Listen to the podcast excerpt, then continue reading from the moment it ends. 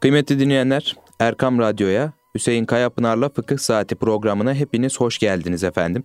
Ben deniz program takdimciniz Sami Türkan ve yanımızda kıymetli hocamız Hüseyin Kayapınar var. Hocam hoş geldiniz. Hoş bulduk, sağ olun. Bu programda yine her programda olduğu gibi e, sizlerin sormuş olduğu soruları hocamıza soracağız ve onların cevaplarını da sizlerle buluşturmuş olacağız efendim. Ee, yine programımıza WhatsApp hattımızı hatırlatarak başlayalım. 0537 734 48 48 0537 734 48 48 numaralı WhatsApp hattımızdan bizlere sorularınızı iletebilirsiniz efendim. Bizler de hocamıza sorar, onların cevaplarını sizlerle buluşturmuş oluruz diyelim. Ee, hocam isterseniz bugün şöyle başlayalım. Malumunuz e, iki gün sonra Berat Kandili, cumartesi günü Berat Kandili inşallah. Ee, Berat Kandili'nin biz Müslümanlar için önemi nedir? Ee, bugünü nasıl değerlendirmeliyiz? Nelere evet. dikkat etmeliyiz? Bismillah, Bununla başlayalım. Bismillahirrahmanirrahim. Tabi bu Şaban'ın 15. gecesine hı hı. Berat gecesi diyoruz. Berat'ın kelime anlamı kurtuluş. Hatta ne derler şeyde mahkemede beraat etti derler. Hı hı. Yani suçsuz olduğu ortaya çıktı. Suçsuzluğu tescil edildi demek. Tabi burada suçsuzluk değil de berat yani günahlardan kurtulma, günahlardan korunma. O şey olur. Bu Peygamberimiz Aleyhisselatü Vesselam'ın bu konuda hadisleri var. Yani o geceler var ya Miraç gecesi, hı gecesi, Berat gecesi, Mevlid gecesi, Kadir gecesi. Bu şeyde e, kaynağı olan yani Peygamberimiz veya Kur'an-ı Kerim tarafından övülen bu ikisi var. Yani Berat gecesiyle şey, Kadir gecesi var. Şimdi Kadir gecesi malum Ramazan'ın 27. gecesi. Hı hı. Onunla ilgili bir sure var. İnna enzelna. Ona Kadir suresi diyoruz. Ha Berat gecesiyle ilgili olarak Kur'an-ı Kerim'de bir ayet var mı? Burada bir görüş var. Şimdi e, Kur'an-ı Kerim'in indirilmesiyle inna enzelnahu fi leyletin mübareke. Biz onu mübarek bir gecede indirdik. Var bir ayet. Bir de işte Kadir gecesinde indirdik. Var. Şimdi acaba o mübarek geceden maksat ne? Alimlerin bir kısmı bundan maksat Berat gecesidir diyorlar. E ama Kadir gecesinde indi diye orada isim var. Ha burada Berat gecesinde efendim dünya semasına indi Kur'an-ı Kerim. Kadir gecesinde de Resulullah'a verilmeye başlandı şeklinde izahlar var. Hı. E, bunun gecenin her ikisi de aynı anlama gelir. İkisinden maksat da Kadir gecesidir diyenler de var. Yani Berat gecesiyle ilgili olarak Kur'an-ı Kerim'de e, buna bir işaret görülüyor. Ve bunun olduğunu söyleyen İslam alimleri var bu gecenin. Bu, bu açıdan önemli. İkincisi de Peygamber Efendimizin bu geceyle ilgili şeyleri var. E, müjdeleri var. Yani bu gece yapılan duaların makbul olduğu. Hı hı. Allah tarafından kabul edileceği ne yönelik peygamberimizin ifadeleri var. Mesela bunlardan birisi şu. Berat Şaban'ın 15. gecesi Allah yeryüzü semasına tecelli eder. Ve orada dua edenin duasını kabul eder, tövbe edenin tövbesini kabul eder anlamında hadis var. Yine aynı şekilde bu Berat gecesinde e, Beni Kelp kabilesinin koyunlarının tüyleri adedince günahkar affedilir var. Bu Beni Kelp o zaman bir kabile. Hı hı. Yani bir insan topluluğu kabilenin ne olduğunu bilmeyenler de çıkıyor. Tabii bu artık eski tabirlerin çok e, fazla kullanılmadığı için e, insanlar bilemeyebiliyorlar. Yani bir insan topluluğu diyelim ki bir köy halkı değil de bir kasaba halkı gibi falan. Bunların koyunları çokmuş. Hı. Ve Peygamberimiz o gecede e, çok insanın günahının affedileceğini ifade olarak Beni Kelp kabilesinin koyunlarının kılları adedince günahkarı affeder diyor. Ha, tabii şimdi burada durup dururken Allah affetmiyor. Yani o geceyi herkes idrak ediyor. Ama herkes o gecenin sevabını alamıyor. Evet. Herkes Cuma'ya ulaşıyor ama herkes Cuma'nın faziletini alamıyor. Herkes Ramazan'a ulaşıyor ama herkes Ramazan'ın faziletini almıyor. Yani o günlerden, o gecelerden istifade etmek için o günün gereğini yerine getirmek gerek. Ramazan'da ise oruç tutmamız lazım. Cuma günü ise cuma namazına gitmemiz lazım. E şimdi Berat gecesinde de insanların o geceyi ibadetle değerlendirmesi lazım. Ki o gecenin feyzinden istifade etsin. Peki ne yapalım bu gecede? Şimdi bazı kaynaklarda özel günlerle, özel gecelerle ilgili namazlardan bahsedilir. Namazlardan bahsedilir. E, fakat bunlar kesin bir şeye dayanmıyor. Kaynağa dayanmıyor, delile dayanmıyor. Yani işte filan gece 12 rekat namaz kılarsa şöyle olur gibi filan. Bu aşağı yukarı bütün bu gecelerle ilgili var. Ama bunların sağlam bir kaynağı yok genelde. Ama şu var ben hep şunu söylerim bu gecelerle ilgili olarak. İbadetlerimizin neler olduğu belli. Bizim bedeni ibadetlerimiz nelerdir? Oruçtur, namazdır, Kur'an-ı Kerim okumadır, zikir yapmadır, dua etmedir. Ha, malımızla ilgili olan ibadetlerimiz zekat vermedir, fitre vermedir. Ve de bunların dışındaki sadakadır. E şimdi biz tabi gecesini ibadetle, gündüzünü oruçla geçirmek elbette tavsiye edilir. Yani bu gecelerin zaten bu geçen programda da konuşmuştuk. Peygamber Efendimizin en çok oruç tuttuğu şey mevsim Ramazan'dan sonra Şaban ayıydı. Hı hı. E, ve, ve Şaban'ın da son 15 günüydü genelde. Hazreti Ayşe validemiz e, biz diyor Ramazan'da tutamadığımız, özürden dolayı tutamadığımız oruçlarımızı Şaban'da kaza ederdik. Çünkü peygamberle aynı anda oruçlu olalım diye. Çünkü o da oruç, oruç tutardı diyor. Şimdi dolayısıyla bu günlerde oruç tutmak faziletli. Niye? Peygamberimizin sünnetine uygun. O, o çok tutarmış. 15'in tamamını oruç tutmam lazım mı? Öyle bir şart yok. Ama tutabildiğin kadar tut. Bu bir. Peki Berat gecesinde ne yapalım? Dediğim gibi bedeni ibadetler yapacağız o gece. Namaz kılacağız. Kaza namazı olabilir. Nafile namazlar olabilir. Ondan sonra Kur'an-ı Kerim okuruz. O bir ibadettir. Ee, dua ederiz bol bol. Bu, bu çok önemli. Dua. Hele hele bugünlerde o duaya çok ihtiyacı var Müslümanların. Ümmetin kendimizin ihtiyacımız var. Bol dua etmeli ama o dua ihlasla yapılmalı. Usulüne uygun olarak yapılmalı. Gönülden yapılmalı. İhtiyaçlar gözyaşıyla Cenab-ı Hakk'a arz edilmeli ve ondan istenmeli. Tövbe edilmeli, tövbe istiğfar edilmeli. Çünkü amellerin bu güzede Allah'a ulaştırılacağı şey de var. tövbe istiğfar edilmeli ama usulüne uygun tövbe edilmeli. Yani nasıl usulüne uygun tövbe edilir? Yaptığı günahtan, işlediği günahtan dolayı pişmanlık duyacak. O günahı terk edecek. Bir daha günaha dönmemeye niyet edecek. Allah'tan af dileyecek ve Allah'a söz verecek. O günahı bir daha işlemeyeceğime. Ve ısrarla isteyecek Allah'tan. Bir defa söyleyip geçmediği ısrarla hani bir kapıyı çalan ihtiyaç sahibi gibi içeriden verilinceye kadar kapıdan ayrılmaman. Evet. Bu şekilde tövbe istiğfar edecek, dua edecek. Ee, Tabi maddi imkanı yerinde olanlar her zaman o imkanı, o maddiyat imkan, şey, e, sadakaları vermeleri gerekir. Bu günlerde biraz daha fazla vererek gecelerini ihya ederler. Yani Berat Gecesi bizim İslam kültüründe önemli bir gecedir. Bunu değerlendirmek lazım. Eyvallah hocam. Hocam namazda üçüncü rekatta Sübhaneke okusak namazı nasıl tamamlamalıyız? Şimdi burada normal tamamlar. Namazına devam eder. Hı hı.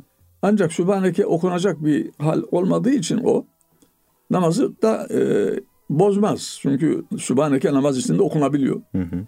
Mesela ilk başladığımızda okuyoruz. Fakat kendisinden sonra o Sübhaneke okuduktan sonraki farzlar, vacipler geçiktirileceği için sev secdesi yapması yerinde olur. Eyvallah. Hocam beş vakit namazların sünnetlerini uzatmak veya kısaltmak caiz midir? Ne demek acaba uzatmaktan maksat? Acaba dört rekatı sekiz rekat kılmak mı? Evet. Yok, yoksa e, şey mi? E, mesela bir rekatı kılarken uzun uzun okumak mı? Şimdi bir defa sayı olarak peygamberimizin belirlediği sayının üzerine çıkmamak lazım. Hı. Nedir o? Sabah namazında sünnet iki rekat. Dört sünnete aykırıdır. Ha, öğle namazından önce dört rekat. Sünnet olan budur. Hı hı. Altı sünnete aykırıdır. Sekiz sünnete aykırıdır. Bunu yapmamamız lazım. Ha, öğle namazından sonraki o iki rekatla yatsı namazından sonraki iki rekat iki rekatta kılınabilir, dört rekatta kılınabilir. Orada şey var. Ama onun dışındaki diğer sünnetlerde Peygamber Efendimizin tavsiye ettiğinin dışına çıkmak caiz değildir. Sünnete aykırıdır. Peki öğleden sonraki iki rekatta dört kılarsak Peygamberimizin tespitine aykırı davranmış olmaz mıyız? Peygamberimizden o şekilde de rivayet var. Yani o öğle namazından sonraki o iki rekatın dört rekat olarak kılınabileceği şeklinde de rivayet var. Onun için o sünnete aykırı davranma sayılmaz. Hatta bizim fıkıh kitaplarımızda sünnetlerden bahsedilirken ve ba'de zuhri rekatani ve inşa'e erva rekatin der. Yani bunun anlamı şu. Öğleden sonra iki rekattır. İsterse dört rekat kılar. Diye geçer. Peki kıraatı uzatmaya gelince insan tek başına namaz kıldığı zaman istediği kadar uzatabilir. İmamsa o zaman cemaati düşünmek lazım. Ama kendi kendine kılıyorsa başka işlerini aksatmamak, efendim e, çalışma ibadetini ihmal etmemek kaydıyla istediği kadar uzatabilir. Adanalı bir e, abiyle tanışmıştık hocam. Diyor ki e, yevmiye usulü çalıştığımız zaman namazları herkes uzun uzun kılıyor. Ama işte saat usulü çalıştığımız zaman namaza gitmeyenler bile oluyordu diyor. Bu kul hakkıdır bu. Bir evet. ikincisi de e, namazı Allah rızası için kılmanın dışında bir ibadet şeklidir ki bu çok büyük günahtır. Eyvallah hocam. Hocam e, şimdi bir soru var. Bu soruyu şöyle biraz daha somutlaştıralım. Biz geçen günlerde, geçtiğimiz günlerde e, bir camide namaz kılacağız. Ama yani cemaate yetişemedik. E, tam da biz gittiğimiz zaman akşam namazı Hüvallahü Lezi okunuyor. E, yüksek sesle de okunuyor. Çok ortamda kalabalık duymuyoruz birbirimizi. Üç arkadaşız. Dediler ki birimiz imam olalım cemaat yapalım. İmam tekbiri aldı. Rüküye giderken fark etti ki yanda da bir cemaat oluşmuş. Yani iki cemaat yan yana biz namaz kılmışız ama kim önce başladı kim sonra başladı burayı bilmiyoruz. Şimdi bu durumda e, namazı nasıl tamamlamalıyız? Bozmalı mıyız? İki cemaat yan yana Şimdi namaz kılabilir bir, mi? Bir, bir defa aslında o doğru bir hareket değil. Bile, bilinçli olarak bilerek yapılırsa doğru Hı-hı. değil. Ama senin anlattığından farkında olmadan cemaat yapılmış. Yani bu bunlardan birisinin namazı olmaz demek mümkün olmaz. Değil. Hı hı. Yani namaz namazdır. Allah kabul etsin ama e, şu yapılabilir. İki rekatı eğer mesela iki rekattan sonra oturmuş ya hı hı. selam verip öteki imama uyabilir. Bu mümkündür. Hı. Yani devam etse de bu namaz namazdır ama e, usulüne uygun bir namaz usulüne uygun olmaz. Eyvallah hocam. İmamdan farklı bir mekanda ses bağlantısıyla imama uyan bir kişinin namazı sahih olur mu hocam? E şimdi burada cemaatin ya imamı görmesi lazım hı hı. veya imamın sesini duyması lazım. Hı hı. Tabi eskiden imamın sesini duymak için böyle bir alet edevat yoktu. Ama mesela imama çok uzak, cami büyük veya son cemaat mahallinde cemaat namaz kılıyor. İmamı bir hafta görmüyor. Ama sesi geliyor dışarıya. Böyleydi. Hatta e, cemaat devam ediyor. En arkadakiler diyelim imamın sesini de duymuyorlar. Onlar namazını kılarlar. Orada bir münadi yani müezzin veya bir başkası tekbirleri tekrarlar. Hı. Ki şeyde duysun arkadakilerde. Böyle uygulamalar. Ama şimdi bu ses cihazlarıyla farklı mekanlara e, imamın sesi ulaşabiliyor. Şimdi burada mekan birliği lazım. Mesela camiler var değil mi? Alt kat var, üst kat var. Hı hı. E, mesela imamın sesini duymuyor ama şey sesi geliyor. Hoparlörde Hoparlör. sesi geliyor. Ha, bu namaz oldu artık. Yani günümüzde bile bunlara ihtiyaç da var. Hı hı. E, ama imamın sesini hiç duymuyorsa o zaman bu caiz olmaz veya ya, imamın sesini duymuyor ama imamın sesini duyanların hareketlerini görüyor. Ya, olabilir. Herkes duymayabilir. Hı hı. Fakat e, ayrı ayrı binalar. Burada bir bina var, cami. Efendim 10 metre, 20 metre ilerisinde bir bina var. Orada cemaat duruyor. Bu, bu arada kesiklik olmaması lazım. Hı. Eyvallah hocam. Cemaate yetişmek için hızlı adımlarla yürümenin bir sakıncası var mıdır hocam? Şimdi e, Peygamber Efendimiz e, cemaate yetişmek için sekinet üzere olunmasını tavsiye ediyor. Yani e, camide e, cemaat namaz kılıyor. Arkadan biri geldi koşarak değil. Normal yürüyüşte yürüyecek. Hı hı. Ve cemaate uyacak. Ve uyduktan sonra yetişebildiği kadar yetişip geriye kalanı tamamlayacak. Resulullah bunu bu şekilde bizden tavsiye ediyor. Böyle yapmadı. Koşarak geldi ki zamanımızda çoğunun yaptığı bu. Hı hı. E bunun namazı olmadı mı? Olur. Niye? Normal namaza durdu. İmama uydu, tekbirini aldı. Namazın rükunlarını yerine getirdi ama ne yaptı yanlışlık olarak? Normal sükunetle yürüme yerine koşarak geldi. E bu namaza engel olmaz. Abdest bozucu bir hal değildir bu. Koşarak geldiği zaman namazın içinde değildir ki namazı bozulsun. Ama e, peygamberimizin tavsiyesine, usule aykırı olur. Fakat bu şeye engel değildir. Namazın sıhhatine engel değildir. Eyvallah hocam. Namazı kaç rekat kıldığını bilmeyen kimse ne yapmalıdır hocam? Şimdi şöyle bu ilk defa mı başına geliyor? Yoksa ara sıra böyle bir durumla karşı karşıya geliyor mu? Mesela adam şimdiye kadar hiç olmamış. Hı hı. Ve şu, bir namazda e, acaba ben bir mi kıldım iki mi? İki mi kıldım üç mü? Tereddüt etmiş. O namazı bozacak.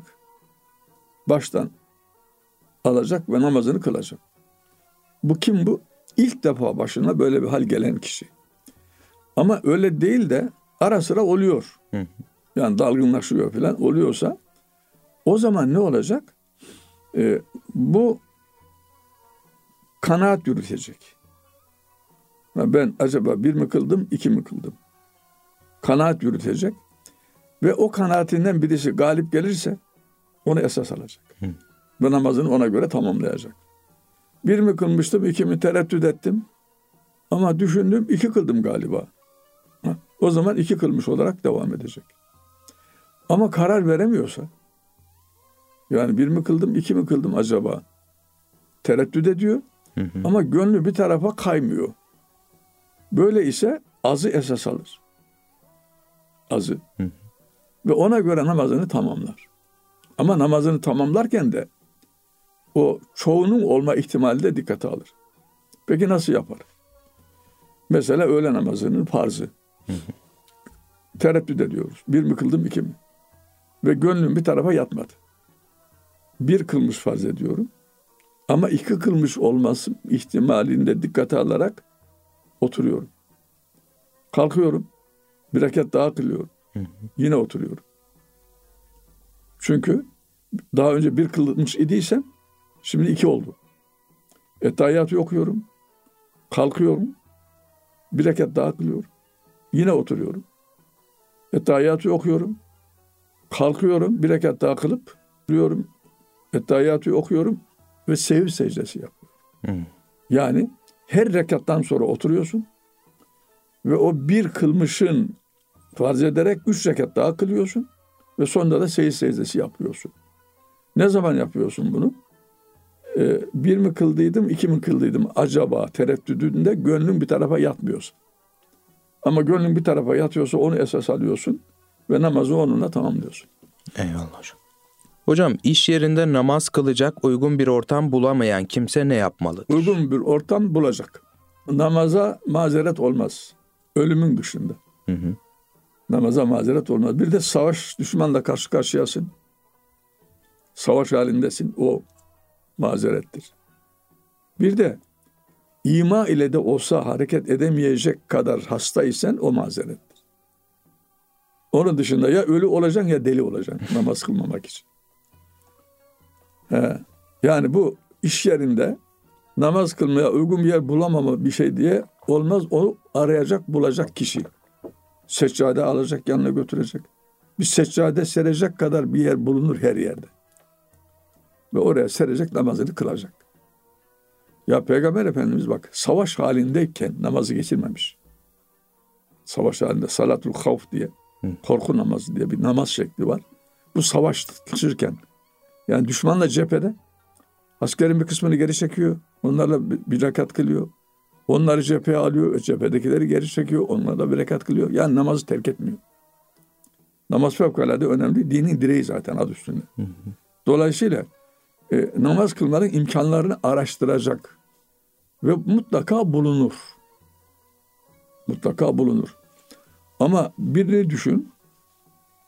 Öyle bir işte çalışıyor ki 8 saat hiç böyle bir şey olacağını tahayyül etmiyorum ben.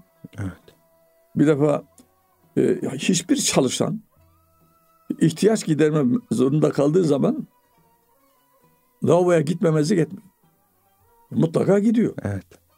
Öğle yemeğe vakti mola veriliyor. Mutlaka veriliyor. E şimdi bu kadar bunlar için zaman varsa eğer namaz için de olur. Ha, kişi namaz için imkan, mekan araştıracak. Araştıracak. Ha, ama demin söylediğim gibi fiilen savaşıyorsun düşmanla ki peygamberimiz başta bu da gelmiş. O Hendek Savaşı'nda. Dört vakti kılamamış sonra kaza etmişler onu. O bir mazeret. Ama onun dışında ben mazeret bilmiyorum. Eyvallah hocam. Hocam hatim yapan kimsenin tilavet secdesini yapmamasının hükmü nedir? Vaciptir. Şimdi e, Kur'an-ı Kerim'deki o secde ayetleri okunduğu zaman secde yapmak ki buna tilavet secdesi, okuma secdesi denilir. Hı hı. Bunu yapması vaciptir. Bunu yapmadığı takdirde vacibi terk etmiş olur ve o onun üzerinde bir borç olarak devam eder. Eyvallah. Peki hocam tilavet secdesi borcu olduğunu biliyor kişi ancak net sayısını bilmiyor. O zaman ne O yapmalıdır? kanaat yürütecek. Hı. Yani gelip de benim kaç tane e, tilavet secde borcum var diye birine soracak hali yok. Evet. Kanaat yürütecek ve o kanaatine göre hareket edecek. Cep telefonu veya bilgisayar gibi teknolojik aletlerden Kur'an-ı Kerim okurken abdestli olmak gerekir mi hocam? Şart değildir. Şimdi Kur'an-ı Kerim'i ele almadan ezberden abdestsiz okuyabilirsiniz. Hı hı. Ele almadan yü- yüzüne bakarak veya ezberden abdestsiz okunabilir. Şimdi bu cep telefonu dediğim şey adı üstünde cep telefonu. Kur'an değil o. Veya bilgisayar. Ha, burada ek- ekranda bir görünen bir şey var ama o asıl daha gerilerde o görünen şey. E, dolayısıyla bu Kur'an-ı Kerim değildir. O ele alınabilir. Abdestsiz olarak ele alınabilir. E, bunda bir sakınca olmaz. Mesela e, şu da çok sorulur. E, benim telefonumda Kur'an-ı Kerim yüklü Hı hı. ki çoğumuzda var bu. Efendim e, o cebimdeyken e, affedersin tuvalete gidebilir miyim? Gidilebilir. O şey değildir yani. Kur'an-ı Kerim değildir. Eyvallah. Tabi buradaki abdest namaz abdesti değil mi hocam? E, ezberden gusül gerektiren bir durum varsa ezberden de okunamaz zaten. Eyvallah. Geçimini tarımla sağlayan kimse zararlı hayvanları öldürmekle günaha girer mi hocam? Şimdi Cenab-ı Hak bütün canlıları insanın emrine vermiş. Daha doğrusu bütün kainatı Hı hı. insanın ömrüne vermiş. Ve insan, ya insanın emrine vermiş. Ve insan bunlardan yararlanır. Et ihtiyacını karşılamak için koyunu keser, danayı keser. Veya ne bileyim hayvanın sütünü den istifade eder. Ve insanlar bu hayvanları tüketirken iki durum söz konusu olması lazım. Ya ondan yararlanmak için ki bu etini yemek, sütünü içmek için bir veya onun zararından korunmak için. Peki hayvanlar nasıl zarar verir? Kuduz köpek sana saldırır, sana zarar verir. Akrep gelir sana zarar verir. Efendim, yılan vardır, seni sokacaktır, zarar verir. Veya bir aslan parçalayacaktır, zarar verir. Bunları ne yaparsın? İtlaf edebilirsin onlardan korunmak için. Ama keyfi olarak zararsız olan bir şeyi öldürmek, itlaf etmek caiz olmaz. Hatta avcılık zorunlu değilse bazı alimler avcılığı doğru bulmazlar. Zorunlu değilse. Yani adam beslenmek için ihtiyaç duyuyorsa avcılığa bazı yerlerde bu var avlar. Ama zevk için yapılan avcılığı hoş görmeyen İslam alimleri var. E şimdi bu tarıma zarar veren böcekler. Bunlar ne yapıyor? İnsana zarar veriyor. Tarıma zarar veriyor ama insana zarar veriyor sonuçta. E, dolayısıyla onları itlaf edebilir. Ama hiçbir zararı yok. Keyfi olarak öldürdüğün zaman zaten o e, fıtratı bozmuş oluyorsun. Yani ekolojik denge denilen şey var. Hı hı. Onu bozmuş oluyorsun. Ondan uzak durmak gerekir eğer zararlı değilse. Bir de insanlar zaten bu insan dünyadaki bütün fitne fesat insanların yaptıklarından dolayı oluyor. Hı hı. Eskiden şimdiki gibi şey yoktu, zararlı yoktu. Dolayısıyla ilaç yoktu. Adamlar herhalde zararlıyı ürettiler ki ilaçları satabilelim. Şimdi çiftçinin e, o tarıma yaptığı masrafın büyük kısmı ilaçla oluyor. Niye zararlı çok? Ama başka çaresi yok. Ha, mesela o organik denilen şeylerde fazla ilaç kullanılmıyor. Bizim çocukluğumuzda ekilen, bizim bahçelerimize ektiğimiz domatese, fasulyeye, şuna buna şey kullanılmıyordu. İlaç kullanılmıyordu. Niye? E çünkü zararlı yoktu ortada. Şimdi yani şunu diyelim özet olarak, keyfi olarak olmaz. Yani zarar verilemez hiçbir canlıya. Hatta şöyle bir olay. Kanuni Sultan Süleyman Şeyhül İslam'ına. Ebu Suud Efendi'ye bir fetva soruyor. Fetva sarayın bahçesinde bir ağaç var. Ağaç karıncalanmış. O karıncalar öldürülebilir mi? Ama onu sorarken yani şeye geçen ger drahtı sarar ise karınca. Draht ağaç demek. Ger drahtı sa- sarar ise karınca. Yani ağacı sarınca, karınca sararsa vebal var mı? Karıncayı kırınca. Böyle soruyor. Ebu Suud cevap veriyor. Yarın hakkın huzuruna varınca hakkın alır Süleyman'dan karınca diyor. yani bu güzel bir şey. Evet. Ee, tabi başka şekillerde de nakledildiği oluyor da yani burada şunu söylüyor Cenab-ı Hakk'ın yarattığı varlıkların hepsinin bir görevi var. Sen birilerini öldürürsen öteki daha çok zarar veriyor sana ama e, başka çaren yoksa mecbur e, öldüreceksin. Aksi takdirde ürün alamıyorsun. Eyvallah hocam. Tarlasını kiralayan kimse devletin çiftçiye verdiği desteklerden yararlanabilir mi hocam? Şimdi devlet kime veriyor bunu? Desteği çiftçiye, Çiftçiye. veriyor. Niye veriyor? Yani ona katkıda bulunmak için. Daha iyi üretim yapsın, daha ucuza mal etsin, toplum daha ucuza şey yapsın. Ee, efendim e, o ihtiyacını temin etsin diye veriyor. Tarlayı kira veren kişi ne yapıyor? Kirasını alıyor. Hı hı. Ve bu hak çiftçinin hak. Adı üstünde çiftçiye verilen bir hak. Bunu çiftçi almalı. Tarla sahibi değil. Ama tarla sahibiyle çiftçi anlaşmışsa yani mesela o kira bedelinden bir kısmı olarak kabul edilebilir. O zaman çiftçi şey alır. Tarla sahibi alır. Ama böyle bir anlaşma yoksa o çiftçinin hakkıdır. Eyvallah hocam. Hocam vaktimizin sonuna geldik. Biz teşekkür ediyoruz cevaplarınız için. Kıymetli dinleyenler, Erkam Radyo'da Hüseyin Kayapınar'la Fıkıh Saati programında birlikteydik. Bir sonraki programımızda görüşünceye dek hoşça kalın efendim. Allah'a emanet olun.